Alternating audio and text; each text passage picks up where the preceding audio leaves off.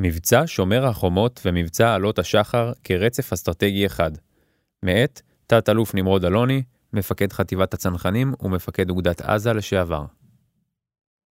מבוא מבצע עלות השחר בראשית אוגוסט 2022 החל כיוזמה ישראלית לאיום מוחשי אשר שם ארגון הג'יהאד האסלאמי כלפי אזרחי ישראל. המבצע נמשך פחות מארבעה ימים, ובמהלכו ביקש צה"ל לפגוע במטרות השייכות לארגון הג'יהאד האסלאמי, גא"פ, בלבד, תוך התעקשות לא לפגוע במטרות חמאס. כתוצאה מכך נפגעו עשרות בודדות בלבד של פעילי גא"פ, ולא פגענו בצורה מסיבית בתשתיות אזרחיות, כפי שראינו במערכות קודמות, ובהן שומר החומות וצוק איתן. אולם החיבור בין הפעולה הטקטית של הפגיעה הפיזית באויב לבין תכלית המערכה והתוצאות שלה הוא שגוי. טענת המאמר היא שעלינו לנתח את מבצע עלות השחר כחלק ממערכה כוללת הן מול הגא"פ, אך בעיקר למול ארגון החמאס. מבצע עלות השחר הוא המשך של מבצע שומר החומות, לא בשל הרצף הכרונולוגי, אלא בשל ההחלטה המודעת שקיבלנו בהליכה למהלך פתיחה יזום בהפתעה. החלטה זו נבעה מההבנה שמהלך מדויק מול ארגון הגאפ והתנהלות נכונה, הן צבאית והן אזרחית, מול החמאס, יכולה להוות המשך והעצמה להישגי מבצע שומר החומות. האופן בו נוהל המבצע, הן מול הג'יהאד האסלאמי והן מול החמאס, והישגיו של המבצע מגלמים טענה זו. יתרה מכך, מבצע עלות השחר דומה ברבים ממאפייניו למבצע חגורה שחורה שגילם גם הוא יוזמה ישראלית, נפתח בתקיפה מפתיעה, סיכול בא אבו אל-עטה, וגם בו הוא שם דגש על בידול החמאס מכניסה למערכה. בבואנו לנתח את המציאות הביטחונית ברצועת עזה, נכון להסתכל על רצף זה שבין נובמבר 2019 לאוגוסט 2022.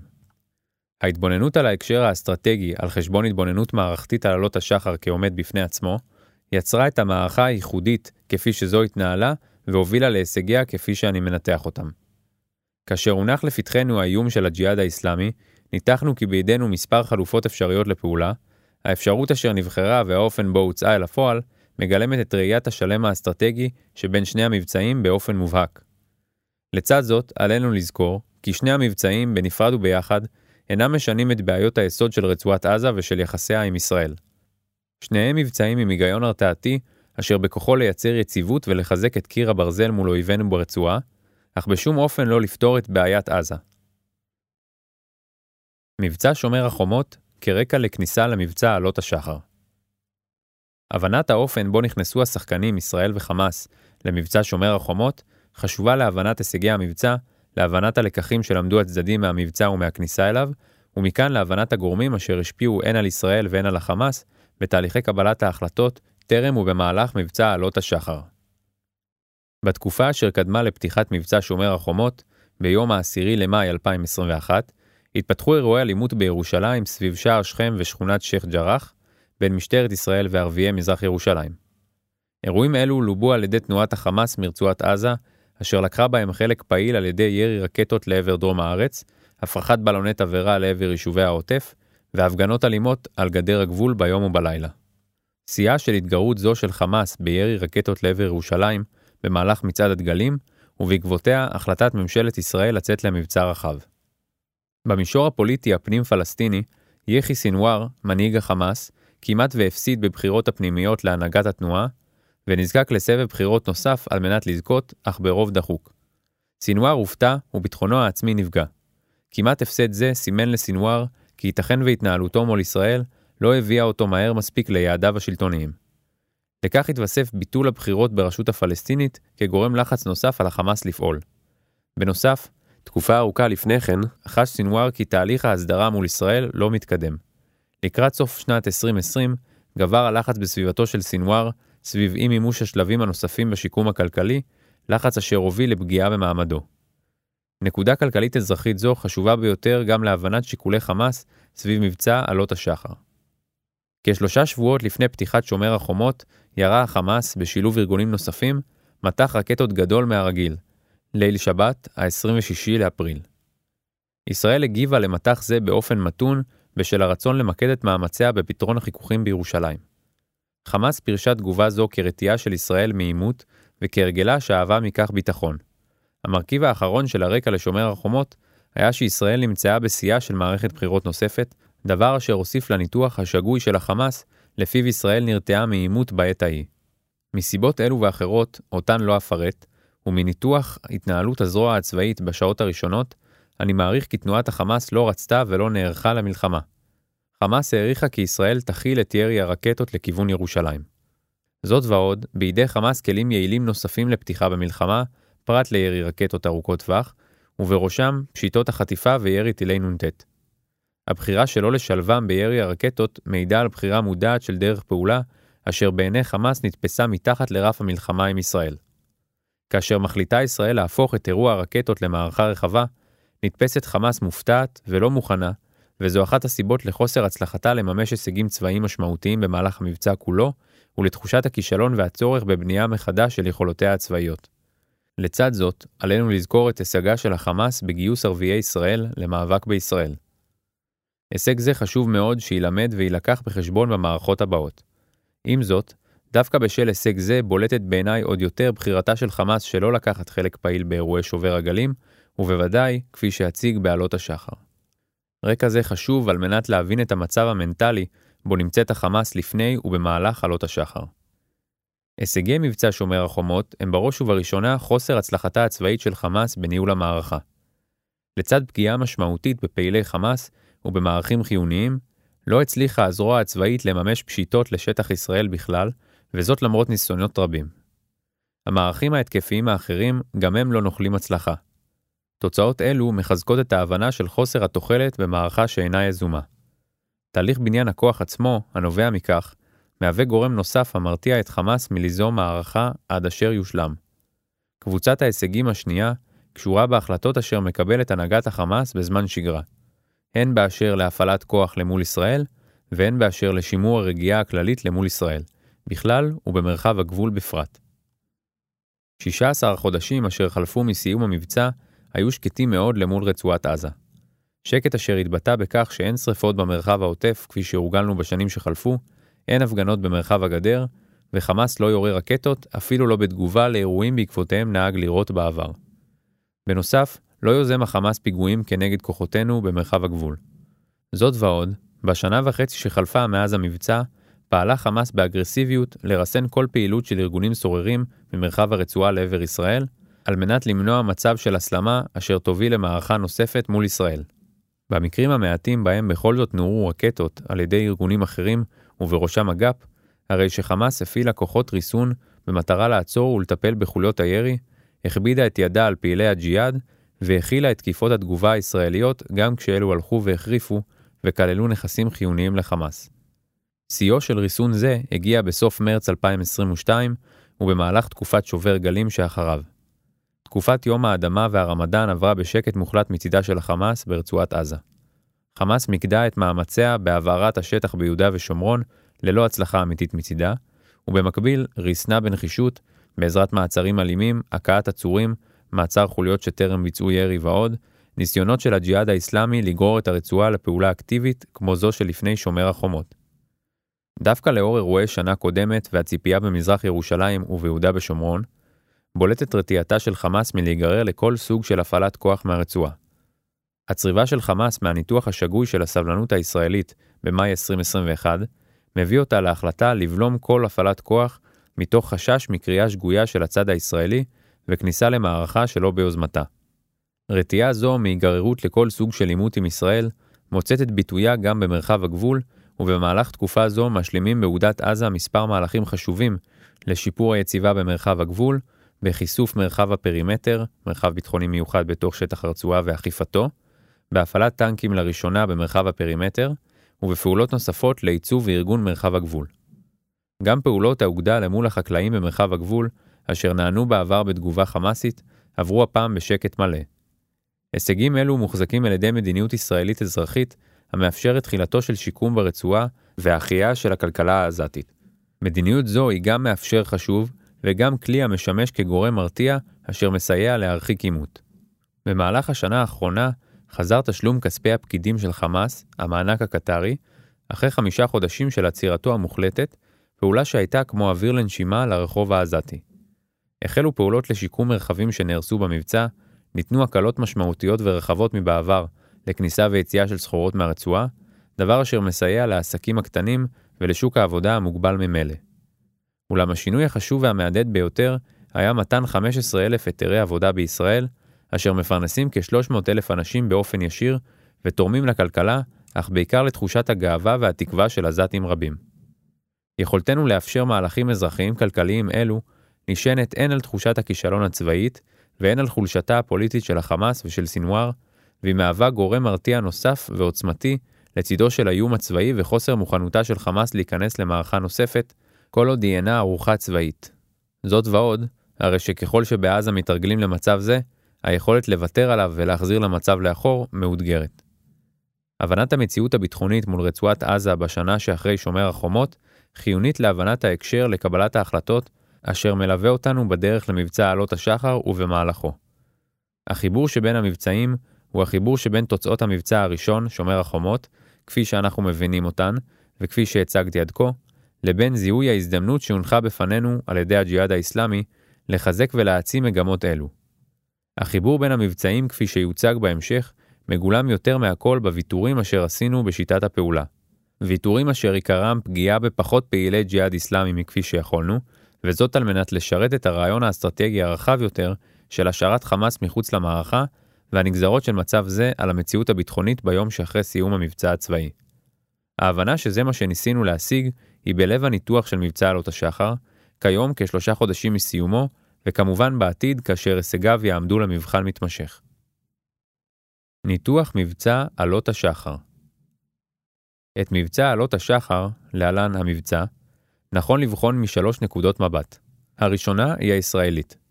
ישראל בחרה לפתוח באופן יזום מבין מספר דרכי פעולה אפשריות אשר עמדו לרשותה, וחרף סיכונים משמעותיים מאוד הן ברמה המערכתית, ובעיקר ברמה האסטרטגית.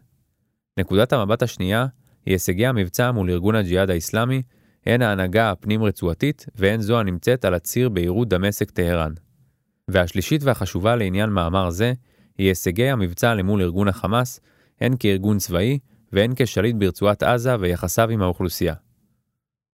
פעולות הצד הישראלי ניתוח קבלת ההחלטות בצד הישראלי באשר לדרך הפעולה הנבחרת העקרונית ובאשר לניהול המבצע לאורכו, חיוני על מנת להבין את הטענה לפיה מדינת ישראל יצאה למבצע לא מתוך התבוננות על ארגון הג'יהאד האסלאמי כיעד למבצע, אלא מתוך ראיית ההשפעה שתהיה למבצע זה על מצבה האסטרטגי מול רצועת עזה ומול תנועת החמאס כשולטת בה. הפגיעה בארגון הגאפ היא תוצאה חשובה, אך שנייה בסדר החשיבות, ומכאן טענת ההמשכיות למבצע שומר החומות. מבצע עלות השחר מתחיל ביום שישי, החמישי באוגוסט, אך ראשיתו בארבעה ימי חירום, לאחר איום אשר הניח הגאפ לירי טילי נ"ט כלפי מטרות ישראליות, צבאיות ואזרחיות. מצב זה הציב בפנינו דילמה כיצד לפעול, כאשר מחד, טרם התממש האיום ולא נורתה אף ירייה, ומאידך, האיום מוחשי ואמין. ניתחנו שבידי ישראל חמש דרכי פעולה אפשריות. הראשונה, הייתה שלא לעשות דבר מתוך נטילת סיכון שמפקדי המרחבים בגאפ לא יממשו את כוונתם.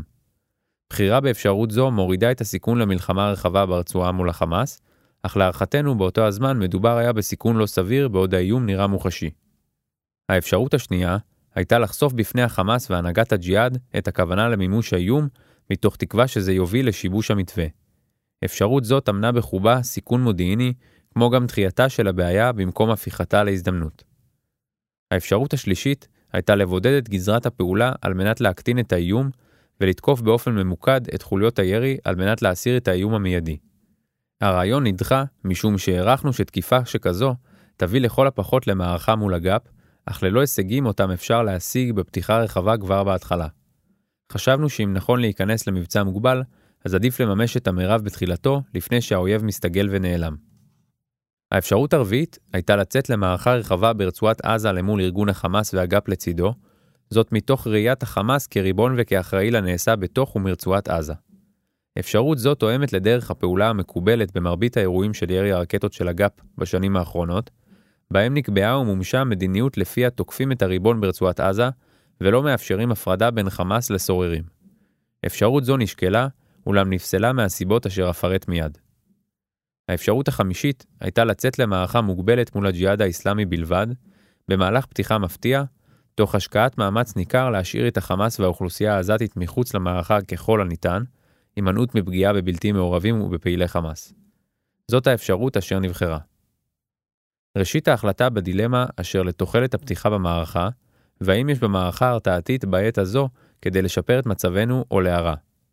מתוך הערכתנו שאי נקיטת פעולה כלשהי מהווה סיכון גדול מדי ולא מחושב בהתבסס על המודיעין שבידינו, ובהינתן כפי שנוכחנו לראות כי הגאפ צובר ביטחון מהחזקת העוטף במצב חירום, הגענו למסקנה כי עלינו לפעול בצורה התקפית. השיקולים אשר הנחו אותנו היו כי מבצע מול הגאפ בלבד מבטיח מערכה קצרה יותר, ועם פחות נפגעים ונזק בצד הישראלי, מאשר מלחמה מול חמאס וגאפ ביחד. זאת חרף הידיעה שהבחירה לפעול ממוקד מאוד ולהימנע באופן קיצוני כמעט מפגיעה בבלתי מעורבים ובוודאי בפעילי חמאס, מנעה מאיתנו למקסם את ההישג הטקטי, הן זה שבפתיחת המבצע והן בימים הבאים. בסיומו של המבצע נהרגו 20 פעילי אויב מאומתים, זהו לכל הדעות מספר קטן. הבחירה זו השאירה לחמאס כל הזמן את האפשרות הציבורית שלא להתערב. כל עוד הרצועה לא סובלת מישראל, אפשר לתת לג'יהאד האסלאמי להתכתש עם ישראל לבדו. המבצע נפתח במכה מקדימה ארבע סיבות. מקסום פגיעה באויב וצמצום יכולות התגובה שלו, עד אשר יימצאו כוחותינו בהיערכות החירום שלהם. הנחתת מכה מורלית על האויב אשר תשפיע הן על המשך המבצע והן על התנהלותו במצבי מתיחות עתידיים. להשפיע על החמאס ואולי אף על מעגלים רחבים יותר של ישראל, באופן אשר משדר כי ישראל מוכנה ליזום עימות צבאי ולשלם מחיר. ולבסוף, לתת לחמאס מרחב התלבטות כדי שיהיה לה את הזמן לחשוב אם ברצונה להיגרר למלחמה. כניסה למלחמה בהידרדרות תאפשר לחמאס לגבש עמדה מראש, ואולי אף לאיים על ישראל ובכך לסנדל את עצמה להמשך. מהם הסיכונים שבבחירה זו? הסיכון העיקרי הינו שהחמאס תבחר או תיאלץ להצטרף למערכה מול ישראל. הסיכון נחלק לזה אשר ברמה המערכתית, ובו מערכה מול חמאס טומנת בחובה סיכון גדול יותר בנפגעים ובנזק, מאשר מערכה מול הגאפ בלבד, ובנוסף הרי שבזבזנו הזדמנות לפגוע בחמאס במכת פתיחה. אולם הסיכון הגדול ביותר נמצא ברמה האסטרטגית, ונוגע בעובדה שארגון הג'יהאד האסלאמי, הקטן והחלש באופן יחסי, יצליח לגרור את החמאס לצידו למלחמה בישראל, אשר לחמאס לא היה בה כל עניין או יוזמה. מצב זה עשוי היה לייצר כדור שלג של השפעות שליליות לעתיד. היגררות החמאס אחרי הגאפ למערכה מול ישראל, יביא לעלייה בביטחון העצמי ובתעוזה של הגאפ ביכולתו לאתגר את ישראל. מערכה שכזו, אשר בסופו של דבר נגררנו אליה כתוצאה מניתוח שגוי של החמאס, תוביל לפגיעה בחופש הפעולה הישראלי מול הגאפ בנפרד, מתוך חשש עתידי להיגררות למערכה מול החמאס. זאת ועוד, הרי שהיא תגלה מחלשות החמאס ברצועת עזה אל מול הג'יהאד האסלאמי וארגונים אחרים בשגרה, ותחזק את מוכנותם לאתגר את הריסון שחמאס מפעיל מולם. זאת לצד עלייה בהעדה הציבורית כלפי הגאפ, הן ברצועה והן ביהודה ושומרון, כארגון אשר מוכן להילחם בישראל, וכמי שנותן את הטון ולא רק ברמה ההצהרתית. מערכה מול החמאס תגרור בעקבותיה העצירה, ככל הנראה לזמן ממושך, ולו בשל דעת הקהל הישראלי, של התהליך החיובי אשר החל לאחר שומר החומות, של עלייה במסחר אלו מרצועת עזה, וכמובן היתרי העבודה והאפקט החיובי שיצרו להרגעת השטח ברצועת עזה, ואשר בלט כאמור בהשפעתו החיובית במהלך שובר הגלים עד עצם כתיבת שורות אלו. הערכתנו בפיקוד הדרום הייתה שאם נצליח לשמור את רף הנפגעים הבלתי מעורבים ברצועת עזה נמוך באופן יחסי, ולהימנע מפגיעה גסה בפעילי חמאס, הרי שתנועת החמאס תבחר שלא להיגרר אחרי הגאפ ולא להצטרף למערכה. מצב זה הוגדר על ידינו כהישג המיטבי למול היעד האסטרטגי של שיפור המצב הביטחוני מול רצועת עזה. הערכה זו נשענה על חמישה יסודות. היסוד הראשון הינו הבנת מיקומה של חמאס בתהליך השיקום הצבאי מאז שומר החומות, והצורך שלה לבנות את כוחה. היסוד השני הוא הערכת ההישג האמיתי ממבצע שומר החומות ועומק תחושת הפגיעה והכישלון החמאסי ממערכה זו, בשונה ממה שניסה סינואר להציג, או ממה שחלק מכלי התקשורת הישראלית ניסו להציג או לפרש כהבנתם של תוצאות המערכה, ומכאן גם רתיעת חמאס מכניסה נוספת למערכה בכלל, ובוודאי כזו שניטלה ממנה היוזמה בפתיחתה.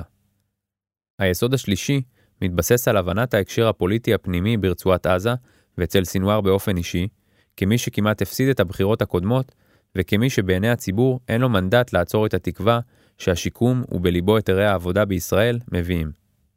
היסוד הרביעי מתבסס על הבנתה של החמאס, בדיוק כמונו, כי הצטרפותה למערכה משרתת אך ורק את הג'יהאד האסלאמי ומחלישה אותה ביחס אליו.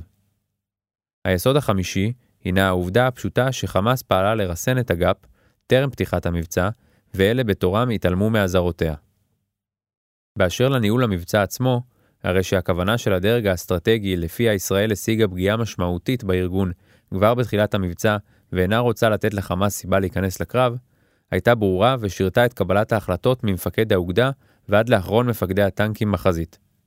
כתוצאה מפעולה מדודה ומרוסנת זו בהפעלת הכוח, התנסות שונה בתכלית מהפעלת האש בשומר החומות כמקרה להשוואה, השגנו תוצאות טקטיות פחותות יחסית לפוטנציאל שהיה בידינו, אך מומשה במלואה כוונת הדרג האסטרטגי באשר ליעדי המבצע מול תנועת החמאס ולאור ראיית המערכה השלמה. הישגי מבצע עלות השחר הישגי המבצע ברמה האסטרטגית אינם סכום הנפגעים בצד האויב, או כמות היכולות הקרביות אשר נלקחו ממנו, וגם לא ההשוואה מול כמות הנפגעים והנזק בצד הישראלי. הישגי המבצע קשורים למצב הביטחוני מול רצועת עזה, בעקבות וכהשפעה של המבצע הצבאי. כפי שציינתי בפתיחה, הרי שנכון לנתח את מבצע עלות השחר כרכיב נוסף בחיזוק הישגי מבצע שומר החומות, ובעיקר למול תנועת החמאס. מול ארגון הג'יהאד האיסלאמי, גא"פ, ניתן למנות מספר הישגים משמעותיים. את ההישג הראשון אכנה, כגודל הציפייה, כך גודל הנפילה. הגא"פ טיפס על עץ גבוה מאוד, ולבסוף אכזב בתוצאות שהשיג את עצמו ואת כלל השחקנים שצפו בו מהצד. ההישג השני הינו הפגיעה בשני מפקדי המרחבים, טייסיר ג'בארי וח'אלד מנצור, הוותיקים והדומיננטים, אשר פגע ביכולת הפיקוד והשליטה של הארגון, ביכולתו להשתקם אחרי המבצע, ובעיקר היוותה פגיעה מורלית בארגון כולו. ההישג השלישי הוא הפגיעה בעמדות השמירה המאוישות לאורך הגבול, אשר היוותה פגיעה תודעתית משמעותית הרבה יותר מערכה הקרבי. העובדה שפעילי הארגון הרשו לעצמם לפעול בשאננות ומתוך זלזול בצד הישראלי, ושילמו על כך במכת הפתיחה, פגעה בפעילי השטח ובתמיכה בהם הרבה מעבר לפגיעה הפיזית בכשמונה פעילים זוטרים יחסית. ההישג הרביעי הוא הנזק הציבורי לארגון הגאפ. הרקטות של הארגון אשר פגעו והרגו עשרות אזרחים עזתים, פגעו בתמיכה הציבורית בארגון באופן אשר לדעתי ישפיע הן על בניין הכוח של הארגון והן על הפעלת הכוח בעימותים הבאים.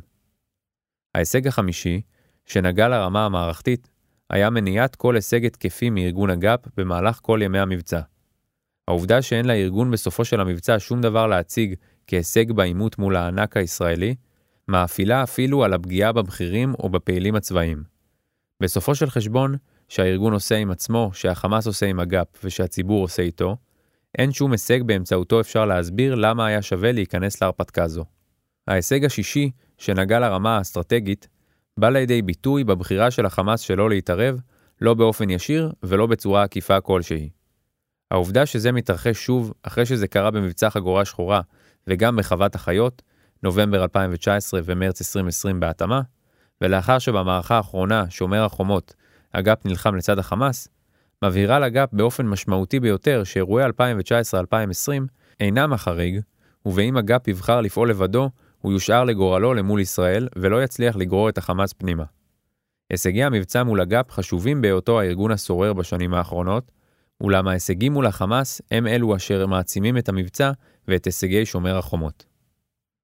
ההישג המשמעותי ביותר מול תנועת החמאס הוא העובדה הפשוטה שלא רק שחמאס עמדה מהצד ולרגע לא שקלה אם להצטרף לקרב גם כאשר נפגעו אנשיה, וגם כאשר נפגעו אזרחים בלתי מעורבים, אלא שכבר במהלך המבצע עסקה חמאס בניסיונות לפתוח את המעברים לכניסה ויציאה של סחורות. עם סיום המבצע, חזרו מבחינת החמאס החיים למסלולם הרגיל, והתנועה עסקה בשימור המצב האזרחי-כלכלי כפי שהיה לפני המבצע. זאת ועוד, הרי שאנו רואים מיד לאחר המבצע ועד לימים אלו, רמת ריסון גבוהה מאוד שהחמאס אוכפת, הן במרחב הגבול, והן למול הארגונים האחרים ברצועה. בשונה מאירועים קודמים, הצלחנו להרחיב את חופש הפעולה הישראלי, תוך שאנו תוקפים בעוצמה ברצועת עזה ופוגעים בארגון הגאפ, ואף בבלתי מעורבים, וזאת כמהלך פתיחה יזום ולא כתוצאה מפיגוע כנגדנו. למרות זאת, חמאס לא התערבה ואפילו לא עברה למצב חירום צבאי. מצב זה, בו יש לגיטימציה לישראל לפעול בעוצמה בשטח הרצועה, ללא כל פעולה צבאית מקדימה מצד מי מארגוני הטרור, הוא הישג משמעותי והוא תוצאה ישירה של הישגי מבצע שומר החומות והתקופה שלאחריו אותה תיארתי קודם. מימוש חופש פעולה זה מחזק עוד יותר את עוצמתו להמשך. במהלך המבצע ולאחריו זכתה חמאס לתמיכה ציבורית גלויה בשל בחירתה לא להתערב.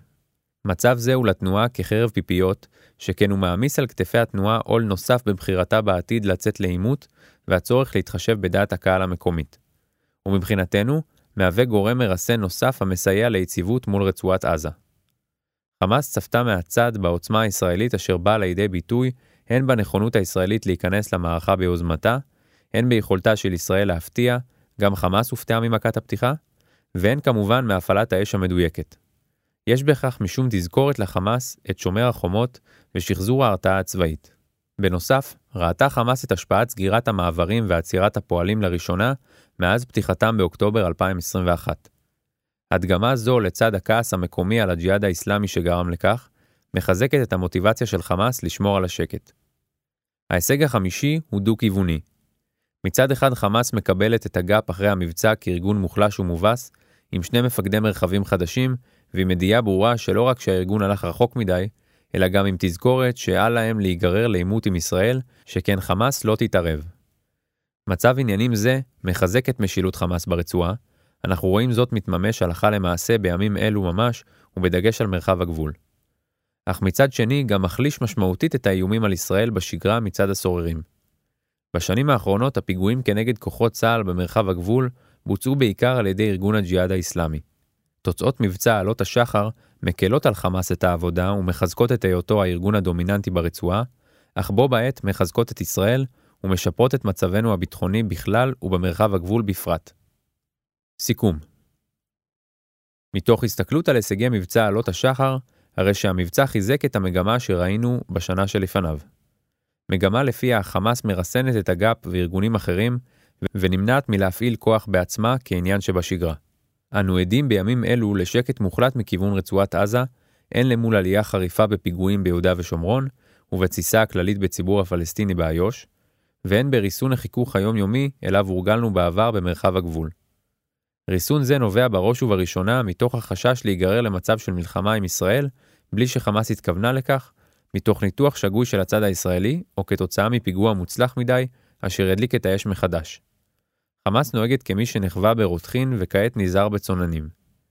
הריסון נובע גם מתוך רצון החמאס לחזק את עצמה פוליטית ברצועה, להפנות מאמצים לעידוד פעילות טרור מחוץ לשטח הרצועה, איו"ש וחמאס חו"ל, ולאפשר את המשך שיקום הרצועה הן של הזרוע הצבאית לאור לקחי שומר החומות, והן של הכלכלה העזתית ממנה חמאס מרוויחה גם ממיסים וגם פוליטית בתמיכת האוכלוסייה המשוועת למעט רווחה. מבצע עלות השחר היווה מבחן להישגי שומר החומות, אך גם חיזק הישגים אלו. ניתוח פשטני וטקטי בלבד של המבצע מול הגאפ ושקלול תוצאותיו הפיזיות מפספס לחלוטין הן את הכוונה איתה ניגשנו למבצע והן את האופן בו נוהל המבצע לאורכו. כפי שהראיתי, היו בידי ישראל מספר דרכי פעולה, וניתן היה לבחור שלא לפתוח במערכה בעת הזו. ההבנה שניתן לצאת למערכה עוצמתית מחד, תוך השארת החמאס מחוץ למערכה מאידך, פתחה הזדמנות לנטרל את הגורם הבעייתי בעת הזו שהוא הגאפ, ובו בעת לחזק אצל החמאס את הרתיעה מכניסה למערכה ממגוון השיקולים אשר פורטו. הזמן אשר במהלכו בנינו את התוכנית המבצעית, מיום שני ועד שישי, סייע ביצירת התנאים הן להפתעת הג'יהאד האסלאמי והן לבניית הלגיטימציה לפעולה בקרב כלל השחקנים. מתוך ההבנה שבכוחנו להעצים את הישגי מבצע שומר החומות אל מול תנועת החמאס השולטת ברצועה, ניגשנו לרעיון המבצעי אותו הצגתי. הבחירות שעשתה ישראל לקראת מהלך הפתיחה והאופן בו בחרנו את מטרותינו במהלך המבצע, הן שאפשרו לממש רעיון אסטרטגי זה. בעוד שבחירות אחרות והתנהלות אחרת היו יכולות לא רק להזיק ברמה הפיזית, מערכה ממושכת יותר וכואבת יותר, אלא בעיקר לפגוע בהישגי שומר החומות, לעצור את מהלכי הכלכלה והרווחה ברצועה, ולהחזירנו למצב קבוע של עימות בגבול וביישובי עוטף עזה, בלונים, הפגנות, רקטות ופיגועים. ועוד הערה לסיום, כתמיד ראינו את כוחם של יוזמה ותחבולה בהישגי מבצע צבאי ועל רוח הגייסות, ואת ערכן של פעולות צבאיות יזומות ומוצלחות על כושר הרתעתנו.